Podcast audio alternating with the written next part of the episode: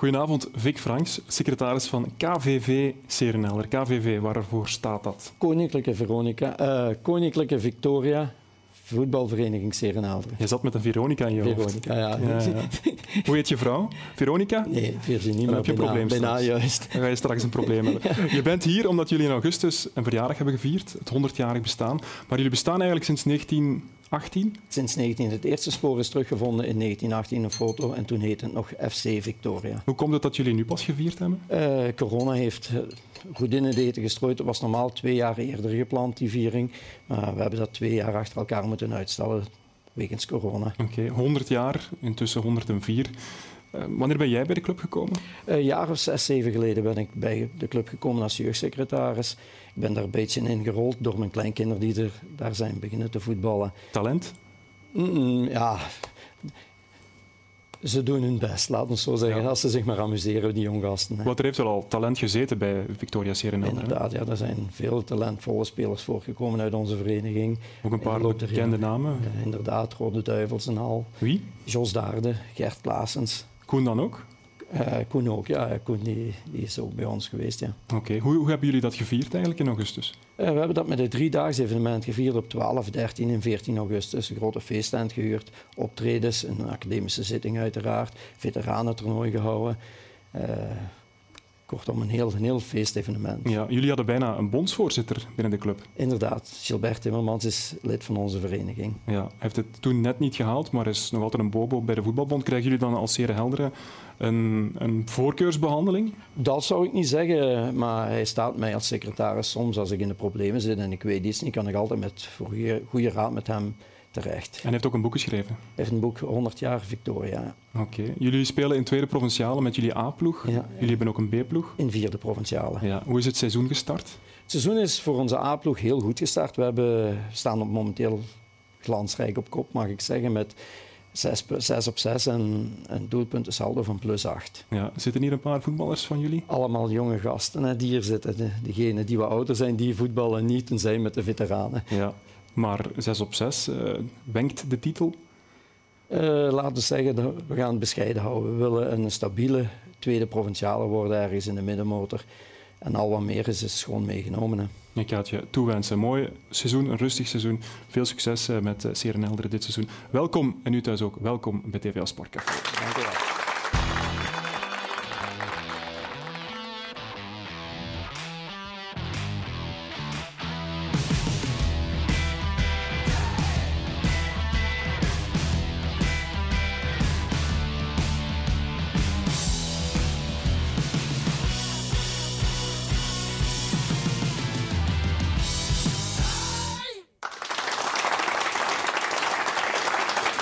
Hele goede avond, welkom bij TVL Sportcafé. Straks gaan we terugblikken op de US Open. Dat doen we met een top tenniscoach Wim Fisset. Maar eerst gaan we praten over die last-minute zegen van Racing Genk op Union. Ali Samatta was de held, maar wij praten met Dante van Zijr van Union en onze analist Armand Schreurs.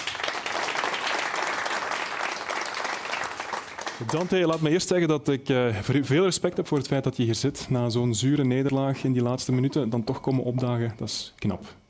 Ja, uiteindelijk... Uh was inderdaad gisteren zuur, maar uh, vandaag is een nieuwe dag. Hè.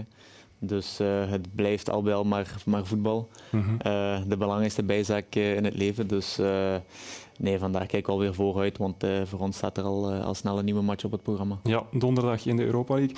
Is die nederlaag dan vandaag al verteerd of blijft dat toch even hangen? Goh, ja, uiteindelijk is hem vandaag wel verteerd. Dus, uh, zoals ik zei, gisteren was het even moeilijk.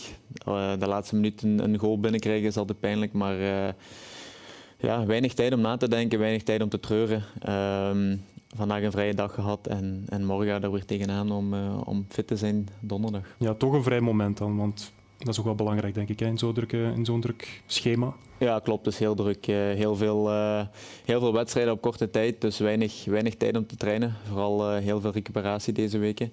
En ja, als we dan een momentje hebben dat we toch een vrije dag kunnen hebben, dan, dan is dat heel fijn meegenomen. Ja, Armand, jij wou iets zeggen? Nee, je wou niks zeggen. Ik dacht dat jij... Ik was aan het nadenken. Oké. dat... ik, was aan, ik was aan het denken aan Serenelderen, die gisteren 4-0 gewonnen hebben tegen Münsterbilze. Juist, hè? Ja. Goed begonnen, ja. Voilà. Dat die wedstrijd van donderdag er zo snel aankomt, eh, is dat een goede zaak na een nederlaag? Dat je snel die knop kan omdraaien? Ja, zeker en vast. Uh, zoals ik net ook al zei, geen tijd om na te denken. En, dat is het mooie, wij, wij, spelen uiteindelijk nog, nog mee op, of in drie competities. de beker komt eraan. De Europees. Dus we, we, hebben altijd weer een, nieuwe focus en een, een, een, nieuw toernooi waar we, waar we ook 100% voor willen gaan. En ik denk het Europees verhaal is, is iets heel mooi. Dus daar willen we ook het beste van onszelf laten zien. Dus ja. Oké, zo dadelijk praten we verder. We gaan eerst eens kijken naar de film van het weekend.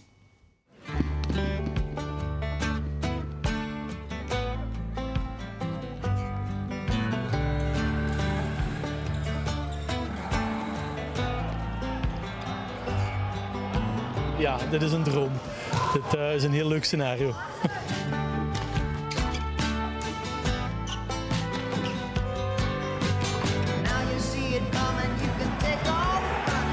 Wir haben zwei naive Fehler gemacht, die sind bestraft worden. Haben wir engagiert gespielt und äh, auch Druck gemacht, aber die Effektivität vorne hat uns gefehlt. Ja.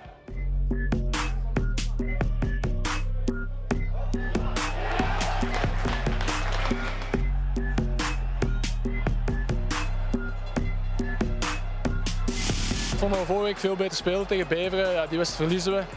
en op verplaatsing lijkt alles wel te lukken. Dus uh, ja, dan moeten we volgende week verandering brengen.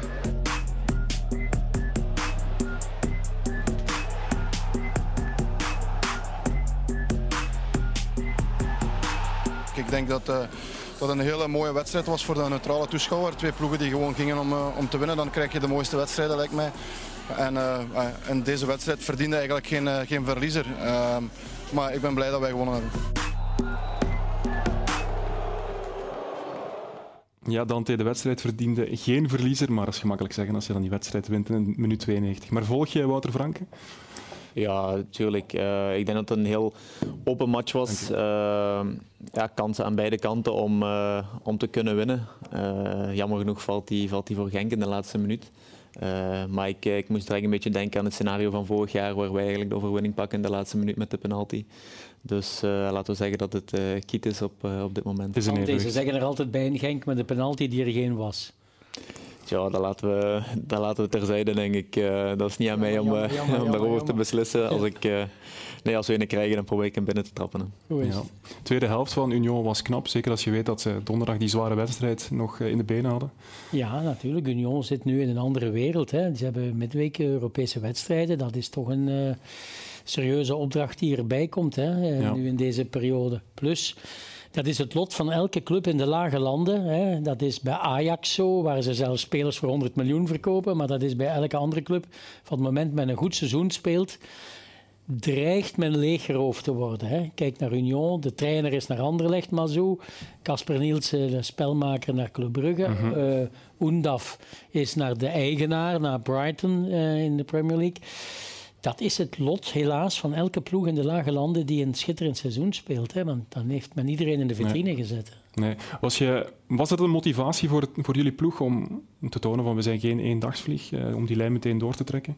Ja, zeker en vast. Uh, zeker vorig jaar werd er veel, veel gespeculeerd van uh, gaat, gaat Union het, het kunnen volhouden. Uh, uiteindelijk hebben we bewezen dat, dat we het kunnen volhouden. Jammer genoeg net niet gehaald, maar ja, zelfs, zelfs dit jaar doen we het niet slecht. Uh, zoals ik al zei, we, we, strijden in, in, drie competities, dus het is een heel zwaar seizoen. En al bij al doen we het, doen we het op dit moment best goed.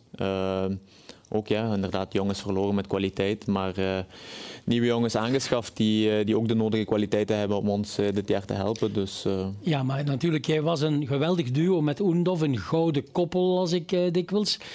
Ja, die is weg en nu is, nu is er een nieuw verhaal. Hè. Je hebt Boniface, je hebt daar Dennis Eckert. Dat is allemaal nog niet in de plooi gevallen. Nee, klopt. het was, hè? Maar dat, ja, dat heeft tijd nodig uiteindelijk. Hè. Ik denk, de, de mensen die het seizoen in 1B hebben gevolgd, waren Dennis en ik ook niet rechtstreeks het, het, het duo. het was ook nog een, wel een andere formatie eigenlijk. ik speelde meer op de kant en hij als, als diepe spits. En toen met twee spitsen we elkaar, zijn we elkaar beginnen vinden. En ik denk dat we deze jongens ook wel de tijd moeten geven om, om aan te passen, om hun, ja, hun goed te voelen binnen de groep. En, en dan gaan die connecties wel, wel komen, denk ik. Hoor je hem nog veel, Dennis Oendaf? Ja, veel is, is, is misschien overdreven, maar af en toe horen we elkaar nog we zijn in de voorbereiding ook even naar Brighton geweest voor, voor een vriendschap, vriendschappelijke match. Dus het was leuk om hem terug te zien. En, en hier en daar we hebben we wel een, een waar we, waar we af en toe wat berichten insturen. Ja. Maar hij heeft nog maar 18 minuten gespeeld. Ja, maar ook voor hem is het weer aanpassen. Ja, dus ja. Uh, ja, Premier League is niet te onderschatten. Ik denk, uh, of ik ben er zeker van dat hij de kwaliteiten heeft voor op termijn daar wel iets te kunnen laten zien. Uh, maar het heeft tijd nodig. Hij moet, het is ook niet dat hij in een club terechtkomt waar, waar heel veel problemen zijn. Ik denk dat, dat Brighton een heel stabiele, goede ploeg is in, in Engeland. En dan kom je niet direct in de basis terecht natuurlijk. Maar ja, geef hem tijd en ik denk echt wel dat hij over x aantal maanden misschien een jaar wel uh, zijn stempel zal kunnen drukken. Mis je hem op het veld? Ja, tuurlijk. Uh, ik denk dat de connectie die wij hadden vorig jaar, dat dat iets is wat je misschien maar één keer meemaakt in je carrière. Zo'n zo goed gevoel naar elkaar toe. ik denk dat we elkaar beide blindelings konden vinden. dus ja, ik kan wel zeggen dat ik hem mis, maar anderzijds hebben we weer nieuwe jongens die dat kunnen, kunnen opvullen. Natuurlijk, hetzelfde type speler gaat je nooit te goed vinden, maar we hebben wel jongens met andere kwaliteiten. En ik denk uh, ja, binnen, binnen de kortste tijd dat we, dat we elkaar ook wel gaan, gaan kunnen vinden van voor. Ja, vorig jaar scoorde je aan de lopende band ook heel veel assists. Nu heb je één doelpunt, één assist in de competitie. Is dat iets wat, wat je bezighoudt, die statistieken? Is dat belangrijk voor jouw vertrouwen? Goh, mij houdt dat niet bezig, maar natuurlijk iedereen daarbuiten. Uh, Zoals ons. Houdt zich daar wel mee bezig. Maar het is normaal, een spits wordt afgerekend op, uh, op doelpunten. En uh, voor mij is het sowieso belangrijk om, om in eerste plaats een goede match spelen, de, de ploeg te kunnen helpen. En uh, daarbuiten, ja, als ik een doelpuntje kan meepikken, is dat heel mooi meegenomen. Maar uh, oké, dit jaar blijven ze, blijven ze een beetje achter. Ehm, maar ik heb het in een vorig interview ook gezegd, het blijft cliché, maar de ketchupfles en die gaat, uh, die gaat ooit wel open gaan. Ja. Zeg dat nog eens voor de mensen die dat niet, die, die keer niet gehoord hebben. Nee, ik vergelijk een spits altijd met een ketchupfles. Uh, soms blijft die goals achter, moet je, moet je wat schudden tot die open vliegt en dan, uh, ja, dan blijft het eruit komen, dan blijven de goals vallen. Dus, en soms heb je ook een beetje geluk nodig. Hier is die bal net over de lijn. Um, Gisteren, hè? Uh, misschien ben je dan weer helemaal vertrokken. Nee, moeilijk, hè? Ja, moeilijk. Ik, uh, ik, ja, ik, ik, kan ik had het gevoel dat hij er wel over was, maar jij ja, niet, het, het, zou kunnen, het zou kunnen. Maar ik had echt het gevoel, ja, van zodra 1 mm van de bal de, de lijn nog raakt, is hij, niet, is hij niet buiten. En ik denk dat we dat heel moeilijk op dat beeld kunnen zien, maar het zijn details uiteindelijk. Uh, dus we, kunnen, we kunnen niet zeggen dat die, die bal de match gaat beslissen. Nee. Hij zegt, um, doelpunten zijn belangrijk, dat is ook zo statistieken, maar hij is toch altijd heel aanwezig. Hè? Hij helpt zijn ploeg, hij, hij weegt op een defensie dat, dat kan je wel zeggen van dat. Ja, uh, natuurlijk, Union telt nu mee bij topvoetbal. En in topvoetbal is geen geduld. Dat is een verschil met uh, middenmotors en uh, met clubs onderaan. In de top is geen geduld. Hè? Klopt. Maar is het, is het eerlijk om te zeggen dat Union topclub is op dit moment? Ik vind van wel. Uh, excuseer. Jullie hebben 0-1 gewonnen bij Union Berlin. En Union Berlin staat in de Bundesliga op de allereerste plaats. Ja, nu? Is dat dit weekend? Die staan de eerste. Okay, ja, ik heb het nog niet, nog niet gevolgd. Maar ik, ik, ik snap jullie redenering wel, maar ik zou nooit zeggen dat Union op dit moment een topclub is. Uh, we hebben de prestaties gehad van een topclub vorig jaar en nu bij momenten nog.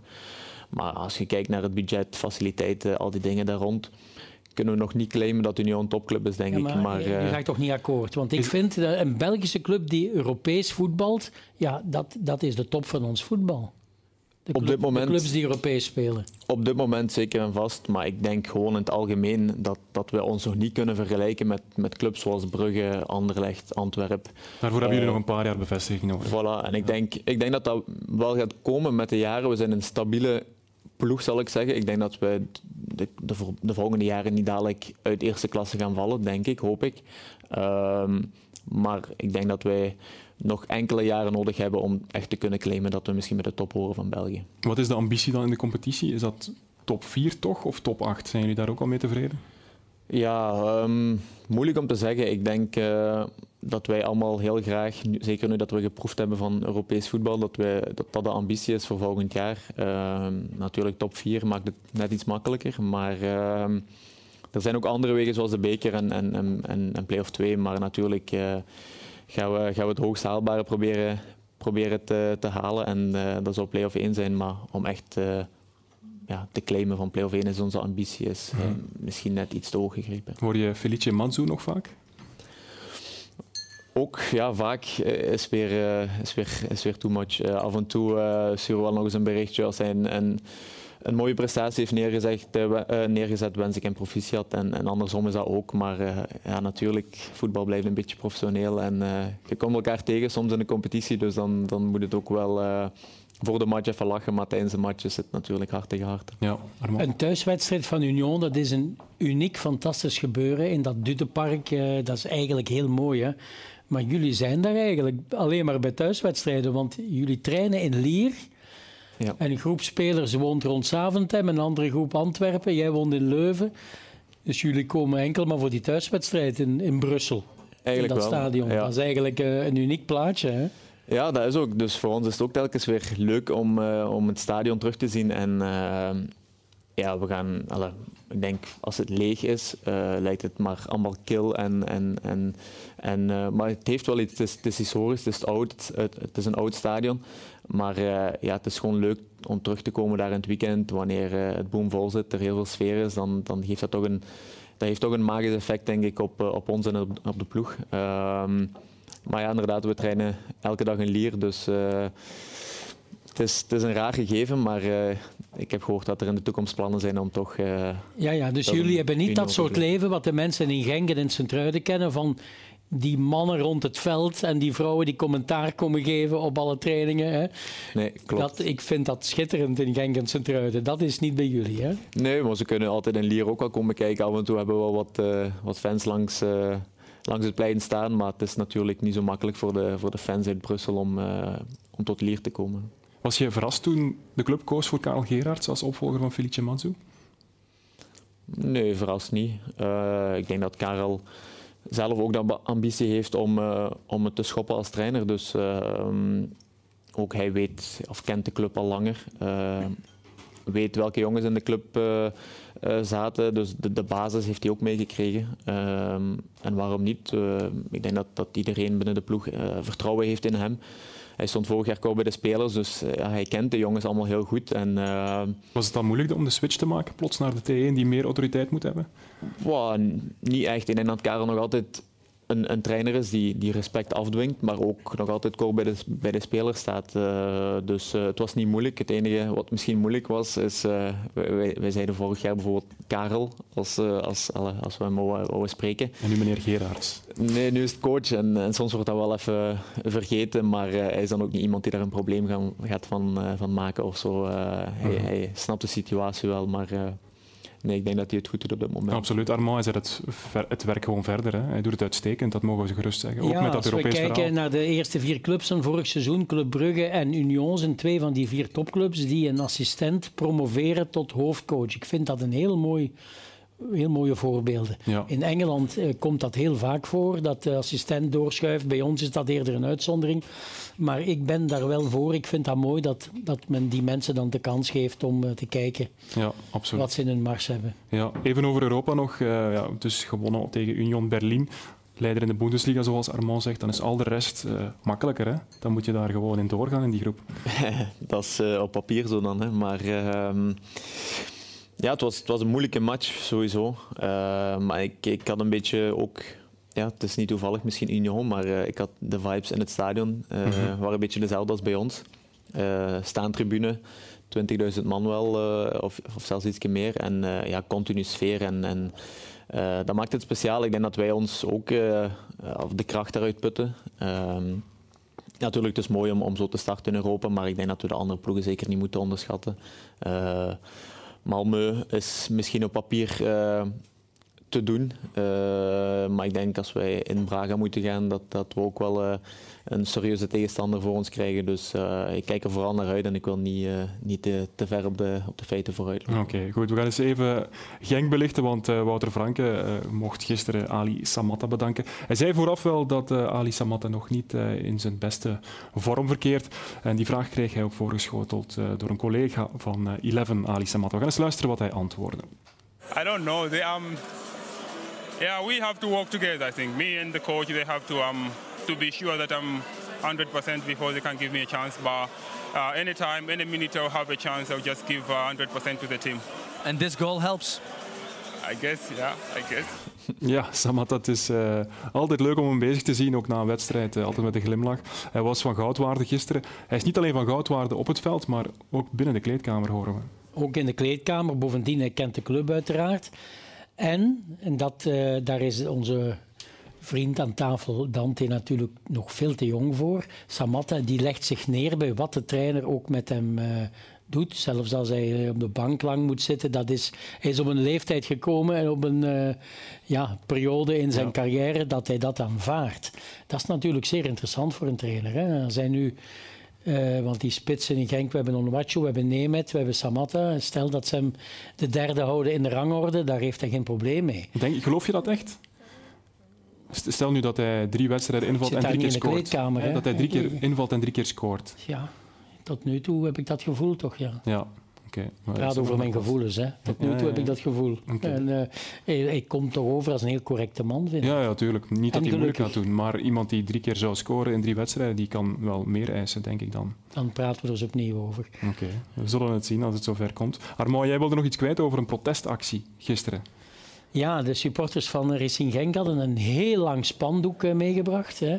Um, ja, we zien het hier in de verte. Er stond blijkbaar op voetbal voor het volk op menselijke uren. Ja, de mensen doen een actie. En ik zag ook dat die fans van Zulte Waregem ook eh, een doek bij hadden in uh, het stadion van Agent. Ja, ik wil toch even zeggen, ik begrijp die mensen. Uh, het voetbal is te, te zeer uitgesmeerd op alle mogelijke uren in het weekend.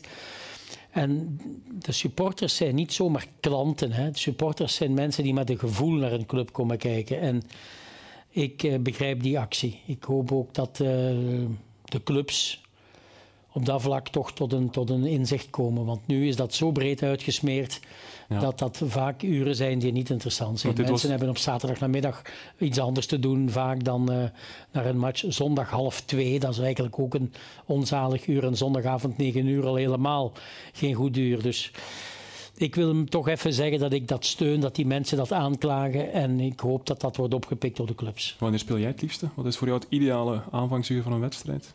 Goh, voor mij is, uh, zijn zaterdagen denk ik de leukste dagen om te voetballen. Acht uur? Uh, ja, of zoals nu, uh, kwart, na, kwart na zes. ja, dat zijn zo wat. Dan heb je nog iets van je avond na de match. heb je de tijd om voor te bereiden en na de, na de match toe te werken. En dan zou het ideaal zijn om op zondag eh, een vrije dagje te hebben. Oké, goed. Dante, in welke mate ben je bezig met het WK in Qatar? Oh, totaal niet eigenlijk. Nee, totaal niet? Nee. Want je hebt, je hebt geproefd van die Rode Duivels. Klopt, ja, inderdaad. Uh, het, was, het was een heel leuke ervaring toen, maar ik denk, uh, ja, ik ben best realistisch daarin en ik weet ook dat, dat ik op dit moment ook nog niet mijn niveau haal om, om te kunnen claimen dat ik, uh, dat ik erbij moet zijn. Maar als de ketchupfles uh, begint te lopen? ja, als. Nee, dan uh, ja, natuurlijk gedroomd daarvan. Hè. Dat, is, dat is iets wat elke, elke jonge gast wel wilt aanvinken, of wilt afvinken, beter gezegd. Dus natuurlijk alles wat je doet is, is met, met het oog op ooit een, een WK-selectie. Uh, ik denk dat die gewoon nu nog iets te vroeg komt. Dat er ook nog net iets te veel concurrentie is. Maar uh, ja, zeg nooit nooit. En ik zal ook altijd uh, blijven werken om, om de kleinste kans die er is toch te kunnen benutten. Armand, jij wil nog tussenkomen? Ja, maar over iets anders van Dante. Zeg maar. Hij zegt een spits is een fles ketchup. ik zou willen weten of Serenelder daarmee akkoord gaat. Gaan jullie daarmee akkoord? Ik zie daar hier... Wie is de spits van Serenelder? En akkoord? Voilà, hij zit achter Dante in beeld. Dus... De ketchupfles loopt nog niet, dus heeft die microfoon. De fles loopt nog niet, nee. Goed, het is tijd voor een uh, Limburgse legende.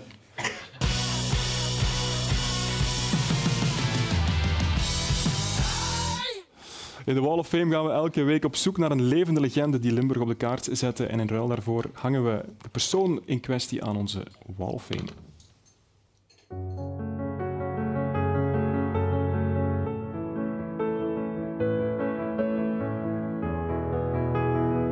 Karel Ismond, geboren in Borgloon. En ik heb twee medailles op de Olympische Spelen gehaald. 1972, dus reeds 50 jaar geleden, zilver uh, in München op de marathon. En in 1976 uh, brons in Montreal, dus ook op de marathon. Daarbij ben ik in 1971 reeds op 22-jarige leeftijd Europees kampioen geworden op de marathon. Borgloon was dus een atletiekclubje dat afhankelijk was van uh, FC Luik. En daar ben ik aangesloten geworden uh, toen ik 16 jaar was.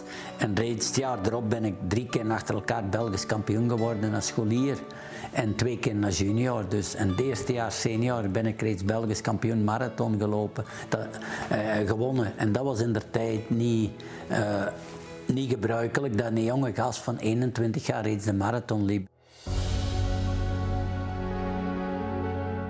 Ik wist dat ik zou kunnen winnen, maar ja, dan moet men nog 42 kilometer lopen. Maar ik had geen schrik van de afstand.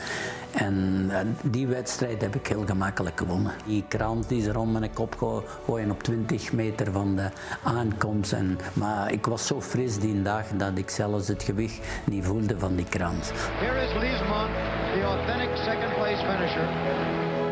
In die wedstrijd die dag was het ook heel warm. Eerst heeft men die aanslag gehad, alles werd één dag opgeschoven. Het was heel warm. Plus eh, de tegenstrever Shorter, die was die dag toch wel niet te kloppen. Die kwam ook uh, van de Verenigde Staten, was heel goed voorbereid. En die was ook maar twee jaar ouder dan ik. En die dag zou ik toch nooit hebben kunnen winnen. Eens we kwamen buiten het stadion, is beginnen het onweer, het onweer verschrikkelijk. Ik ben me dan gaan aankleden en ik ben een uur of twee daarna vertrokken met een auto terug naar België. De hele nacht doorgereden. Ik had toen nog geen autostrade. Eh, of niks, toch niet zoveel gelijk nu. En s'morgens hier aangekomen, een beetje gerust. Namiddags al getraind terug. En sinds ben ik gewoon naar mijn werk gegaan. Montreal is dus de speler die ik had kunnen winnen. Dus daar ben ik 100 Ik was heel goed in mei. Ik ver, verpulverde mijn heel records. En dan ben ik eh, een darmontsteking gehad, antibiotica moeten nemen, toch twee, drie weken niet kunnen trainen. Maar ja, ondanks alles wat ik voorgehad had, ben ik nog heel tevreden over mijn derde plaats. De winnaar toen? Was een Oost-Duitser, ja, dus dan waar van alles van verteld werd natuurlijk en wat iedereen naderhand ook weten heeft. Want in Amerika en de Verenigde Staten wordt Shorter nog altijd beschouwd als de gouden medaille. Je hebt eigenlijk je hele leven lang gelopen. Hè? Ja, ja, ik ben altijd, dat is een teken dat ik elkaar niet deed. Nu nog, ik volg nog alles. Gezien atletiek tijdschrift, volg nog alles. Ik weet nog, ik probeer zoveel mogelijk nog te weten van wat morgen in Amerika gebeurt en zo. Ik probeer nog zoveel. Ja, ik heb dat in u of ik heb dat niet in veel stoppen. Maar ik ben altijd blijven lopen. De dag van vandaag, hoe vaak loop je nu nog? Nu loop ik nog een tweetal keer, een half uurtje zo. En de rest, we aan die andere dagen probeer ik dan een uurtje te wandelen en zo, voor toch nog bezig te blijven. En mijn gewicht en zo, dat blijft toch nog altijd goed.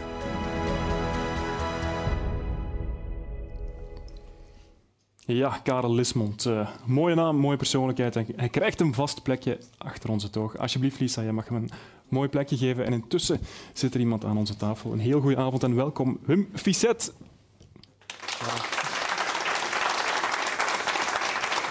Welkom Wim, dan gaan we het uiteraard over tennis hebben. Hè. Um, laten we misschien eerst met de actualiteit beginnen. Gilles Arnaud Bailly heeft uh, afgelopen weekend de juniorenfinale gespeeld op de US Open.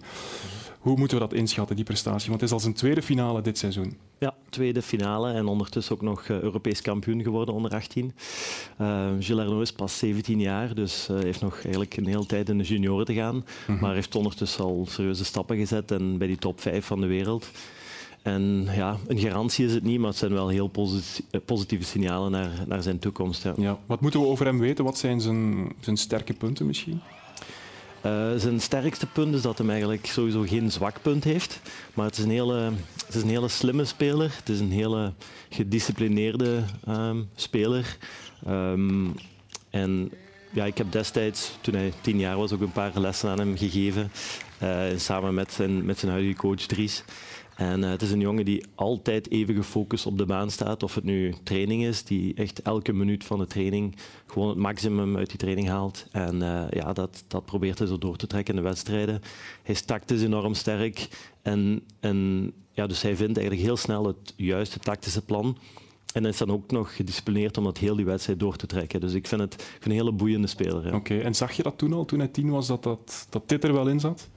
Um, Moeilijk, ja. Ik, uh, het, was, het was zo dat, dat hij destijds al een, een, slimme speler was en hij miste geen bal. Maar er waren ook nog zaken die, ja, die niet zo goed waren. En, uh, en uh, hij miste een beetje het explosieve. En, maar ja, op die leeftijd is het heel moeilijk te zeggen. Wij, wij zagen dat hij was toen al top van België. Maar dan, ja, het is moeilijk te zeggen of hij dan mhm. echt die internationale top gaat worden. Zijn broer is iets ouder, maar dat is ook geen slechter, hè? Ja, ook heel goed. Ook uh, vorig jaar top 10 geëindigd bij de junioren, dus heel positief. Maar uh, uh, Pierre-Yves heeft dus een andere weg gekozen. Die heeft gekozen om, om naar de States te gaan, college tennis te gaan doen, waar ondertussen ook heel veel spelers al, al zijn uitgekomen. Maar hij wou zichzelf een beetje meer tijd geven. hij heeft ook een paar blessures gehad, dus hij wou ondertussen wel dat diploma op zak hebben en dan eigenlijk meer vrijuit kunnen spelen. Hij vond van als hij onmiddellijk prof zou worden, ja, dan zit er toch te druk op van wat als het niet lukt. Ja. En dan uh, nu, door, door het programma wat hij doet in de States, dan uh, heeft hij een beetje meer, een beetje meer rust in zijn hoofd. Ook. Ja, je zegt geen garanties, maar wanneer zou hij moeten kunnen doorbreken? Heb je daar een zicht op? Hoeveel ja, jaar geef je hem nog? Uh, doorbreken in de vorm van top 100. Ja, of ATP, zeker richting het ATP-circuit. Uh. Ja, hij heeft ondertussen al een aantal uh, internationale toernooien gespeeld bij de, allez, bij de profs. Ja. Dat zijn dan die 25.000 dollar toernooien, waaruit hij onmiddellijk ook naar de halve finale ging. En spelers klopten die al 350 van de wereld stonden. Okay. Dus ook weer heel positieve signalen. Dus ik denk dat hij misschien volgend jaar naar die 300 van de wereld gaat gaan en dan ja, richting 150 en tegen zijn twintigste misschien toch in die top 100 wel zal kunnen komen. Ja, misschien nog één naam eruit lichten, ook bij de junioren, Sofia Kostulas. Ja. Die is ook goed bezig. Ja, het Limburgse tennis ziet er, ziet er heel goed uit. Ja. Uh, Sofia ook ja, heel goed. Ik heb haar destijds ook getraind toen ze negen jaar was, denk ik. Uh, een meisje dat er ook 100% mee bezig is en uh, ook een beetje de sportgene heeft meegekregen. En ehm, ja, die, die ondertussen al, al heel lang echt voor het tennis heeft gekozen. Maar de resultaten zijn er. Um, ze is jong, bij de, bij de junioren staat ze top 5. Internationaal wint ze ook al 25.000 dollar toernooien. Dus die, die kunnen ook denk ik wel binnen, binnen een jaartje of twee in die, die top 100 of misschien wel meer verwachten. Mag ik een vraag stellen naar een aanleiding van een quote die je nu doet? Het Limburgs tennis, dat ziet er goed uit. Waaraan ligt dat? Um, ik zou zeggen van ja, de, op, de opleiding is, is heel goed uh, in Limburg. Um, het is, um, er zijn een aantal clubs die goed werken, een aantal academies heel goed werken. Um, ik zou zeggen met de Limburgse mentaliteit, voetjes op de grond, keihard werken. En ja, zeker niet, zeker niet gaan zweven en, en stap voor stap die, ja, die, uh, op die zeker het moment dachten we, kijk, Kim Kleisters, dat, dat, dat brengt veel teweeg. Maar Kim is nu in Amerika gaan wonen, eigen keuze. Ja. Dus daar is geen verhaal meer. En uh, toch ontstaan er dan uh, andere projecten daar rond. Hè? Ja, je hebt nu de, de academie die hier in Tenki in Hasselt is, die vroeger in Tennisdel Genk zaten. Ja, die, die, die hebben de broers bij, die hebben Costula's destijds getraind. We hebben trouwens ook nog Handen van de Winkel, die combineert met haar studies, maar ook wel heel goede mogelijkheden heeft. Dus uh, ja, het ziet, er, het ziet er inderdaad goed uit. En Elise Mertens traint ook nu af en toe hè, eh, bij Tenki. Ja, juist. Die heeft ook, deze, die heeft ook Tenki als, de basis, als haar basis gekozen. Oké, okay. over Elise. Um, in de eerste ronde eruit in de US Open een beetje ja, geplaagd door blessures ook, denk ik, op dit moment. Is dat het grote probleem? Ja, een beetje een moeilijk seizoen. Um, voor de eerste keer in haar carrière denk ik dat ze een paar blessures heeft. En dan, ja, dan zijn er een aantal weken dat je overslaat, een beetje minder toernooien die je kan spelen. Uh, ze is wel een speelster die, die, die regelmaat nodig heeft. Veel toernooien spelen, veel matches spelen en, en stap voor stap dat vertrouwen krijgen om dan bij die Grand Slams haar best niveau te halen. En dat was nu voor de eerste keer in, was het? 15 keer, ja, zodat ze niet de derde, dat, ja, dat, dat, ze niet de derde ronde haalde. Dus, ja. Dus nu even die blessure laten genezen en dan terug uh, erin vliegen. Want ze is ook wel een paar plaatsen gezakt hè, op de WTA-ranking. Ja, ze is inderdaad, doordat ze minder heeft kunnen spelen, een beetje weggezakt. Ik denk dat het voor haar voornaam is om toch proberen positief te eindigen. Ze heeft een nieuw team rond haar. En om dan echt te bouwen om volgend jaar terug die stappen te zetten. Oké, hoe gaat het met jou? Want je was in New York, maar je bent eh, geen coach meer op dit moment? Nee, met mij gaat het, met mij gaat het goed. Hè. Dus uh, eh, 2,5 jaar met, met Osaka samengewerkt. Dat is ongeveer uh, midden juli is dat dan die samenwerking gestopt. En ondertussen zijn we een beetje ja, aan het afwachten op opportuniteiten die er tevoorschijn hopelijk zo. Want je was in New York Dat heet Between Two Jobs heet dat. Ja, ja, ja. zo, zo kun je het beschrijven. Ja. Want je bent wel uitgenodigd in New York, lezingen en zo gegeven, dacht ik. Ja, er waren een aantal activiteiten um, die ik daar heb gedaan. Onder andere voor een, voor een, voor een bank gaan praten. En okay. het was allemaal iets met tennis te maken, maar niet, uh, ben niet op de, op de, op de toernooisite geweest. Okay. Over die samenwerking met Osaka, waarom is die gestopt? Um, die is er eigenlijk gestopt omdat zij nood had aan een mm, nieuwe stem, nieuwe motivatie, een nieuw, een nieuw team. Dat was een beetje haar, haar gedachte erachter. Ja. Dus um, dan zeggen de, we hebben 2,5 jaar heel, heel mooie tijden gehad, twee Grand Slams gewonnen, net niet nummer 1 van de wereld geworden. Um, maar mm, sinds de laatste Grand Slam dat ze gewonnen heeft in 21, een beetje mentale problemen gehad. Uh, daardoor ook wat, wat tijd weggenomen van de tennisbaan. Dan toch weer proberen voor te bereiden voor een aantal toernooien. Maar misschien iets te weinig tijd. Dan zit je in blessures terechtgekomen en het is moeilijk. En dan verlies je, omdat je natuurlijk ook niet 100% bent. En zij is een speelster ook die... Ja, het winnen is alles voor haar.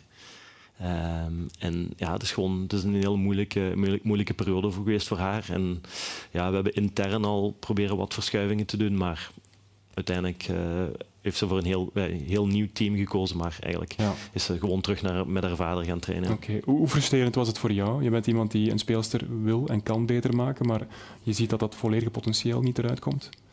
Ja, het is, het is een beetje de twee geweest. We hebben, ik ben gestart in eind 2019 en eigenlijk zo de, de COVID-periode was een interessante periode, omdat we dan opeens heel veel tijd hadden om te trainen. En ik ben een coach die altijd kiest voor, of ja, mijn, mijn doel is altijd om een speler echt beter te maken. En zeker een speler op dat niveau, als je die nog eens een paar stappen vooruit kan zetten, dan weet je dat het succes volgt. En die periode hebben we gehad. Uh, de periode weg van het tennis voor COVID was ook goed voor haar, een beetje, ja, een beetje extra uh, die motivatie te hebben. En dan een aantal maanden echt heel goed getraind. En dan hebben we de US Open en onmiddellijk daarna de, de Australian Open gewonnen. Ja. Dat was fantastisch. En daarna is het gewoon is het moeilijk geweest. En uh, dat is natuurlijk frustrerend, want ik ben met haar begonnen. Ik zag haar als een, ondanks dat ze al twee Grand Slams had gewonnen, als een ruwe diamant, waar dat ik ongelooflijk veel mogelijkheden in zag. En we hebben dat gedeeltelijk wel er iets kunnen uithalen, maar zeker niet het, het maximum wat ik, Ja. wat ik voor ogen had. ja. Zie jij ook werken met sporters in andere sporttakken? Doe ik dat of... eh, Of je dat zie, zou willen zie je doen? dat doen? Ja, op zich wel. Ja, ja. Ik vind dat wel ik vind het interessant. Ja, ik volg ook heel veel sporten. Ja. Ja. En, en maakt niet Stel- uit welke sport dan? Of, Stel dat je nu moet werken met Dante van Zijr, wat zou je dan zeggen tegen hem? ja, dan zou ik hem natuurlijk eerst eens een beetje beter moeten leren kennen. Maar eh, ja, ik denk al, al- ja, als coach, denk dat is altijd interessant om uh, de verhouding speler-coach. En zeker, ik ben gewoon om één op één te werken. Ja, ja. Je kan op zoveel manieren werken natuurlijk. Hè. En dat is het leuke bij mij aan de tennis, dat ik echt ja, mijn volle energie in één speler kan steken. Of misschien begint Tante te tennissen. Hè? Ik wou wel zeggen, ik heb, eh, ik heb misschien nog wel wat potentieel in de tennis. eh. De snelheid is er al in ieder geval, denk ik. Hè. Ja. Uiteindelijk is Evenepoel ook met een andere sport begonnen. Hè? Voilà, zo Dus- zit je maar. Ah, ja, inderdaad. Dat is waar, dat is waar. Je- ik mag zeggen dat jij de Pep Guardiola of de Jurgen Klopp van het damestennis bent. Ehm, dus jij hebt de speelsters voor het uitkiezen. Ik ga niet nee zeggen tegen die titel natuurlijk. Hè. Dat is mooi meegenomen, dank u. Ehm speels voor het uitkiezen. ehm, ja, dat is moeilijk te zeggen. Dus op dit moment ben ik een beetje afwachtend. Ik heb een aantal, ja, een shortlist eigenlijk van namen in mijn, in mijn hoofd. En het is een beetje uitkijken. Ehm, ja, het seizoen is, zit er bijna op. Het is nog een beetje anderhalve maand. Of er bepaalde posities vrijkomen. Want ja, dit- zo is het. Hè. De spelers hebben een coach. Ja. Maar Zijn ik die- krijg, zijn- ik zijn krijg wel de indruk dat jij, dat jij precies weet wat je wil. Die Ja. indruk krijg ik wel. Ja, maar dat, is- dat maakt het net moeilijk natuurlijk. Hè. Ik wil, ik wil een, een super ambitieuze speler die er keihard voor wilt werken. En, en die natuurlijk ook de mogelijkheden heeft om, om, om echt eh, super succesvol te zijn. Maar Ja. zo lopen er niet zo heel veel rond natuurlijk. hè. Dames of ook mannen? Ehm, maakt niet uit. Ik heb de laatste ja, 13 jaar alleen maar dames getraind. Ehm, dus ja, ik blijf een beetje in dat circuit, maar ik, ik, sla, ja, ik zou zeker ook graag in het, in het mannentennis eh, willen werken, al hoeft het niet voor mij. Ik vind het zeker niet als een, als een stap vooruit. Nee. Bestaat de kans dat je in Australië nog geen speelster hebt? Of zeg je van nee, dat komt wel goed? Eh, dat zou kunnen, ja. ja het is, ik, ik, ik verkies sowieso om echt te wachten op een speelster waar ik, waar ik wel 100% achter sta. Dus, eh, dus die opportuniteiten die, die, kunnen die gaan zeker wel komen, daar ben ik van overtuigd. Maar of die nu ja, binnen een maand of binnen twee maanden of binnen drie maanden komen, dan, eh, wacht ik liever een beetje af en spendeer ik een beetje tijd thuis met de familie. En, Ja. eh, ja. Komt goed uit, hè? Eventjes. Voilà, ja. Goed. We gaan zo dadelijk verder praten, maar ik hoorde dat net. Ruwe diamanten, wel, wij hebben ook ruwe diamanten.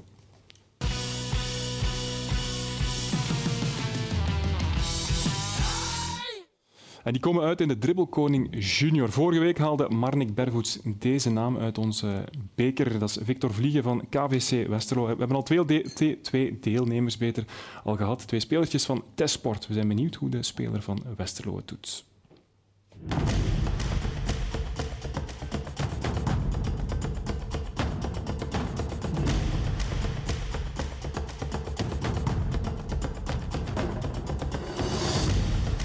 Victor Vliegen, eh 10 jaar oud en ik speel bij KWC Westerlo. Centrale verdediger. Mijn favoriete speler is Kylian Mbappé.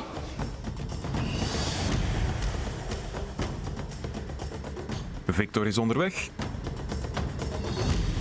Na de ladder richting de volley. Dat is pech.